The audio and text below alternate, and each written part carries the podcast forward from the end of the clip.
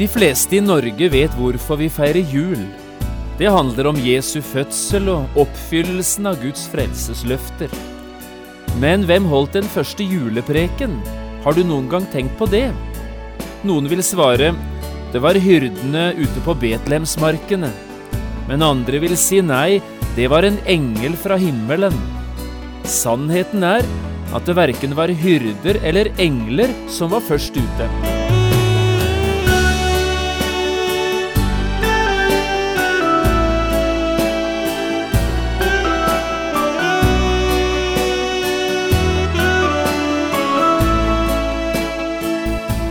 Hjertelig velkommen til et nytt program i serien Vindu mot livet.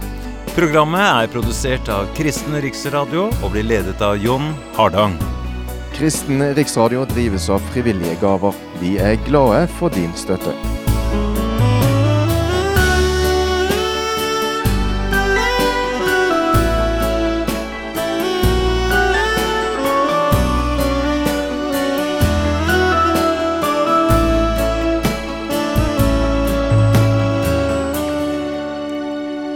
Hans navn skal kalles Jesus. Slik lyder tittelen på denne programserien, der vi i ni juleprogram skal prøve å løfte fram forskjellige sider ved juleevangeliet i Bibelen. I de tre første programmene skal vi for det meste oppholde oss i Det gamle testamentet.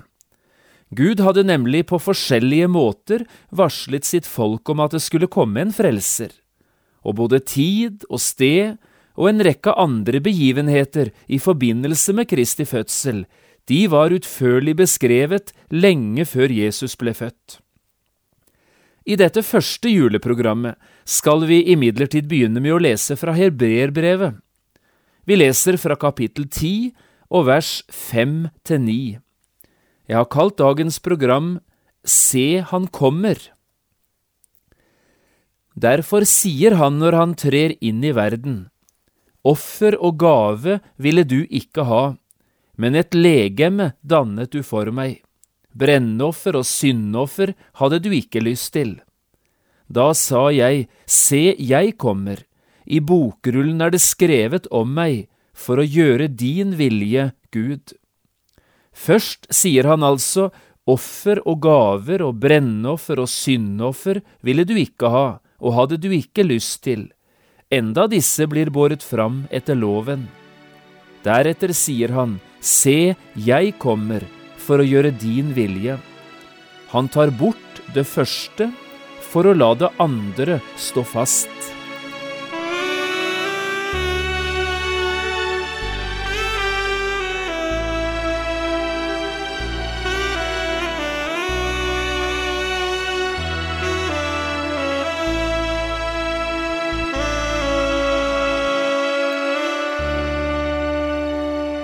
Det er holdt utrolig mange juleprekener i denne verden. Hvert eneste år blir en rekke prekener gjennomført med utgangspunkt i den fantastiske bibelfortellingen som vi da kaller juleevangeliet. Men hvem holdt den første julepreken? Jeg vet ikke om du noen gang har tenkt på det. Noen tenker sikkert på hyrdene ute på Betlehemsmarkene, den natten da Jesus ble født da de hadde sett engleskaren og hørt budskapet fra den første engelen, da gikk de jo rett til Betlehem og fortalte om alt det de hadde sett og hørt. Så hyrdene, det var de første julepredikantene. Slik går det nok an å tenke. Men andre vil heller si, nei, engelen var selvfølgelig først ute. Det var jo en Guds engel som var den første som virkelig forkynte evangeliet budskapet om den store julegleden. Og hadde ikke engelen forkynt det, ja, så hadde jo heller ikke hyrdene hatt noe å gå videre med. Slik går det også an å tenke. Men jeg tror faktisk ikke at noen av disse tingene er helt rett. Det var verken hyrder eller engler som var først ute med nyhetene om at Guds sønn skulle bli menneske. Den første var faktisk Jesus selv for også han holdt sin julepreken, og det gjorde han idet han var på vei inn i verden. Han som var Gud, skulle nå bli både Gud og menneske. i én og samme person. Og det er dette han taler om i sin julepreken. Du hørte hva vi leste, gjorde du ikke, fra Hebreerbrevet 10. Hør en gang til. Derfor sier han, når han trer inn i verden, offer og gave ville du ikke ha, men et legeme dannet du for meg.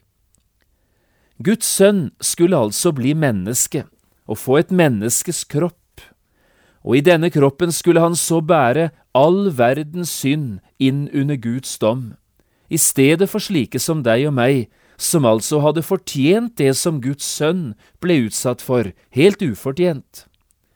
Og hør nå hvordan Jesus fortsetter juleprekenen. Da sa jeg, Se, jeg kommer, i bokrullen er det skrevet om meg, for å gjøre din vilje, Gud. Hva mente Jesus med det? Ja, dette er det ikke så vanskelig å svare på, tror jeg. Det betyr, det burde ikke komme overraskende på noen at Gud i sin time skulle sende sin egen sønn til verden, som menneskenes frelser og redningsmann.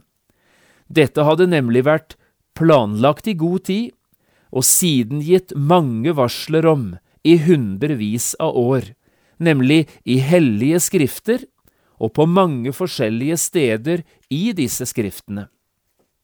Skulle vi bruke et bilde, kunne vi kanskje si det slik.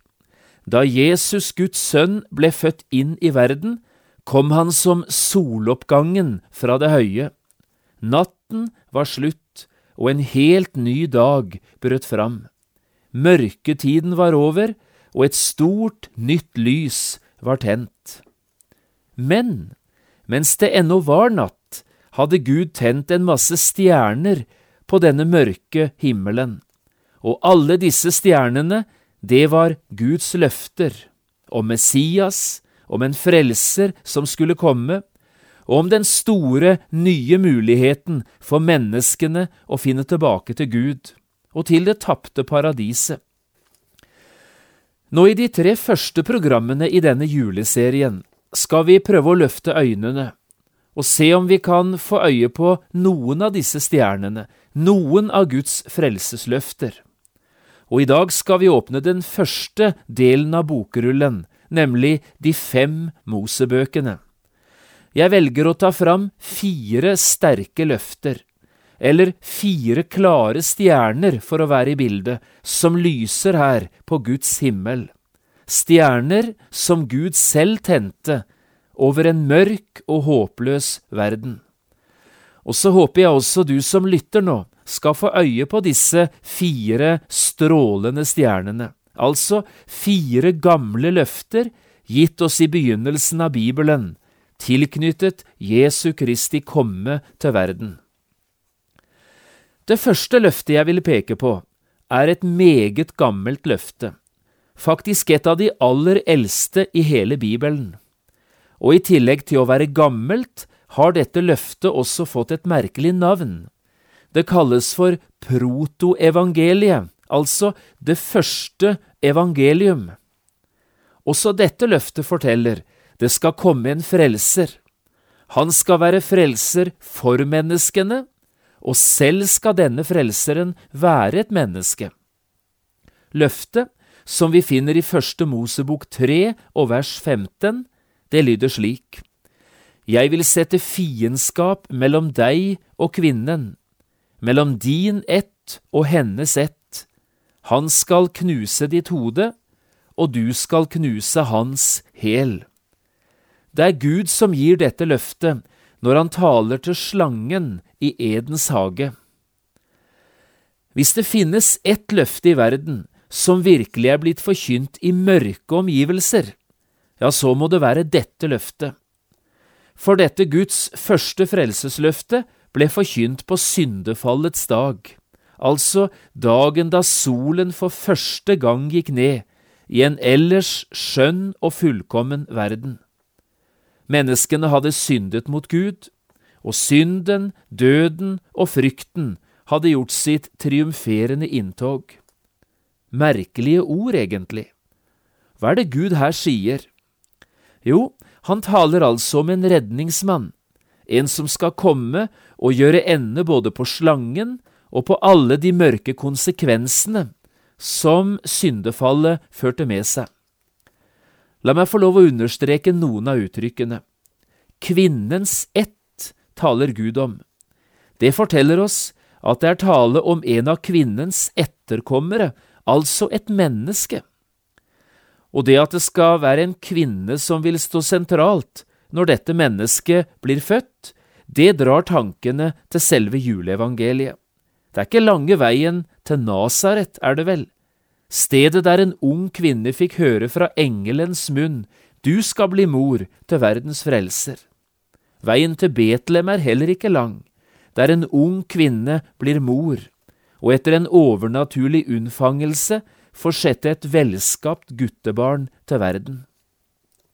Han skal knuse ditt hode, sier Gud til slangen. Dette har vi allerede sagt litt om. Frelseren som kommer, han skal gjøre ende både på djevelen og alle djevelens gjerninger. Men, sier Gud videre til slangen, du skal knuse hans hæl. Dette sikter nok til den prisen frelseren måtte betale, altså hans legemlige lidelse og hans stedfortredende død. Det er nesten som vi hører tonene fra Jesaja 53. Men han ble såret for våre overtredelser og knust for våre misgjerninger. Han skal gjøre dette, sier Gud, kvinnens ett, frelseren som skal komme. For et løfte dette er, for en stjerne som ble tent på den mørkeste dagen i menneskeslektens historie. Så gikk det noen hundre år før en ny stjerne ble tent, og da den ble tent, ble den tent i Mesopotamia, for en 75 år gammel mann fra dagens Irak. Mannen het Abraham, og løftet, det lød slik. Jeg vil velsigne deg og gjøre ditt navn stort, og du skal bli en velsignelse. Jeg vil velsigne den som velsigner deg, og den som forbanner deg, vil jeg forbanne. Og i deg skal alle jordens slekter velsignes. Første Mosebok 12, vers to og tre. Fremdeles var natten belgmørk og jorden full av avgudsdyrkelse og religiøsitet. Synden og døden og frykten florerte, og ingen redningsmann, ikke noe lyspunkt, var å se. Men så tenner Gud en ny stjerne, Abrahams løfte, og dermed et løfte til Israel. Og så er en ny del av tegningen klar. Frelseren som kommer, skal ikke bare være et menneske, han skal også komme av Abrahams ett. Eller for å si det med Jesus, frelsen kommer fra jødene. Et par små kommentarer også til dette løftet. Over en forbannet jord lyser altså Gud et løfte om velsignelse. Eller sagt på en annen måte, i møte med en menneskeslekt som knyttet nevene mot Gud, rekker Gud fram sin hånd, åpen er den og full av nåde og tilgivelse. Aldri ser vi dette så klart som på Golgata. Mennesker som med brutale hender driver naglene gjennom et uskyldig menneskes hender, og en folkemengde som både forbanner og fornedrer Jesus. Mannen som selv bare var fylt av velsignelse og ønske om å være god. Paulus siterer en gang dette løftet til Abraham, nemlig til menigheten i Galatia, når han skriver Galaterbrevet. Her skriver Paulus i kapittel tre, men løftene ble gitt til Abraham og hans ett. Han sier ikke ettlinger, som om det gjaldt mange, men som når det gjelder én, og din ett. Og dette, skriver Paulus, er Kristus. Dermed skal ingen være i tvil om hva dette løftet handler om. Stjernen, den nye stjernen, kaster lys over jøden Jesus, verdens eneste håp. Det tredje løftet jeg nå ville peke på, det møter vi i Første Mosebok 49, i historien om Jakob. Den gamle patriarken vet at han snart skal dø og før døden kaller han så til seg alle sine tolv sønner, og så velsigner han hver enkelt av dem. Nå vil jeg sitere for deg litt av det han sier om sønnen Juda. Juda, dine brødre skal prise deg, din hånd skal være på dine fienders nakke, for deg skal din fars sønner bøye seg. En ung løve er Juda.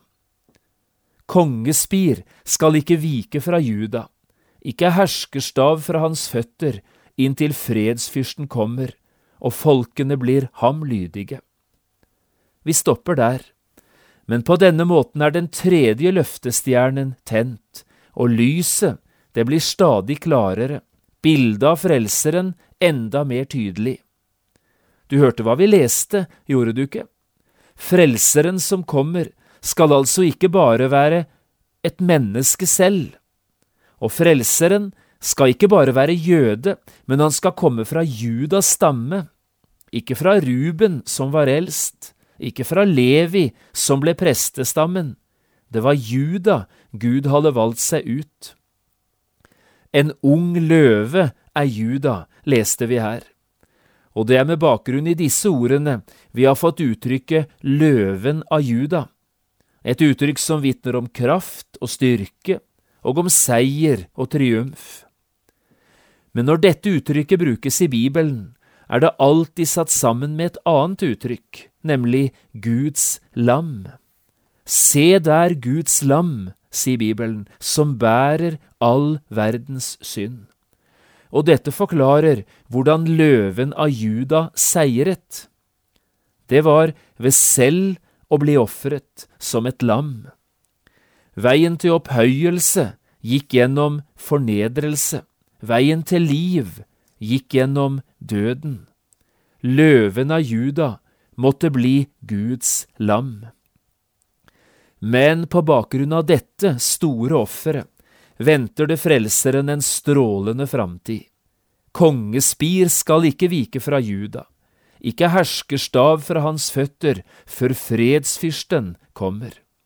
Fredsfyrsten, dette må være et av de fineste navn i hele Bibelen, på Jesus. Fredsfyrsten. Og som vi har bruk for en slik fredsfyrste, på en dødstrett jord og i en fredløs verden, en fredsfyrste som virkelig kan gi varig og evig fred og denne fredsfyrsten, forkynner bokrullene, skal snart komme, Guds egen sønn. Enda et løfte skal nevnes, og det er altså det fjerde i rekken. Hundrevis av år etter at Jakob velsignet sine sønner, ble enda en stjerne tent, og det i omgivelser der vi aldri skulle ha ventet det. Nå er vi i Fjerde Mosebok, i kapittel 22 til 24, og i historien om Biliam, profeten, og kong Balak. Dette er en merkelig historie som jeg gjerne har lyst til å be deg å lese igjennom denne julen. Situasjonen er følgende. Kong Balak i Moabs land hadde sett israelittene komme vandrende på sin vei til Kanan, et stort og tallrikt folk som ingen av nabofolkene hadde kunnet stå seg imot og nå kom han altså gående rett gjennom kong Balaks land. Det gjorde kongen redd, og derfor sendte han bud til Biliam, en profet som bodde i landet langt borte. Kongens tanke var, hvis jeg kan få profeten Biliam til å forbanne Israel, vil det kanskje ikke gå så godt for dem, og jeg vil berge både meg selv og mitt land. Og Biliam, han kom. Tre ganger tok kong Balak han med seg opp på en av fjelltoppene i Moab, viste han både landet og den mektige israelitterhæren, og så ber han profeten forbanne Israel. Men i stedet for å forbanne, så velsigner Biliam Israel alle tre gangene, og kongen blir mer og mer frustrert. Til slutt ber han profeten Biliam reise hjem uten betaling. Det er da Biliam sier, La meg først få lov å forkynne hva som skal skje med dette folket i de siste dager. Og så kommer han, med en av de fineste Messias-profetiene i hele Det gamle testamentet. Biliams kvae kaller vi denne profetien. Jeg ser ham, men ikke nå. Jeg skuer ham, men ikke nær. En stjerne stiger opp av Jakob, et spir løfter seg fra Israel. Han knuser Moabs tinninger og utrydder ufredsetten. Edom blir ham underlagt, Seir, hans fiende, blir ham underlagt. Stort velde vinner Israel. En hersker går ut fra Jakob. To små ting, også når det gjelder denne profetien. For det første, det skal komme en frelser, sier Biliam, men han vil ikke komme ennå. Det vil fremdeles gå lang tid, men i Guds time, ja, så kommer han. Og så kaller Biliam denne frelseren for fredsfyrsten. Han skal altså ta kampen opp mot alle sine fiender.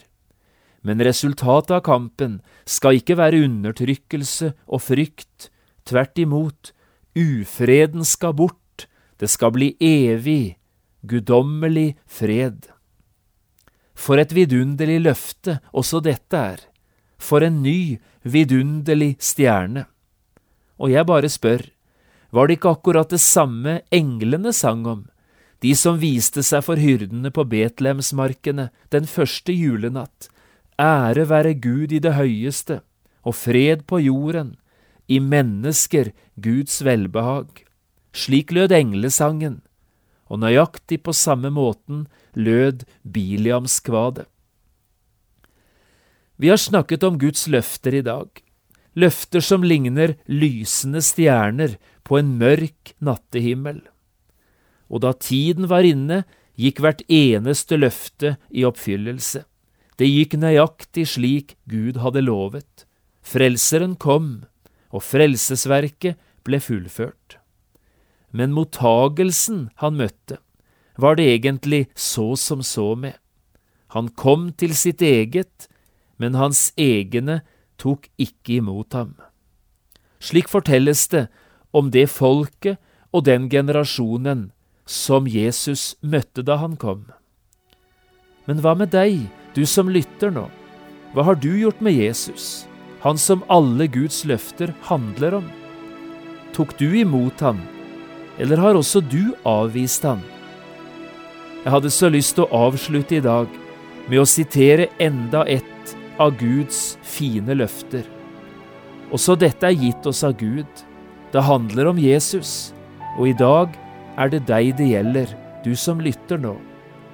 Men alle dem som tok imot ham, dem ga Gud rett til å bli Guds barn, de som tror på Hans navn.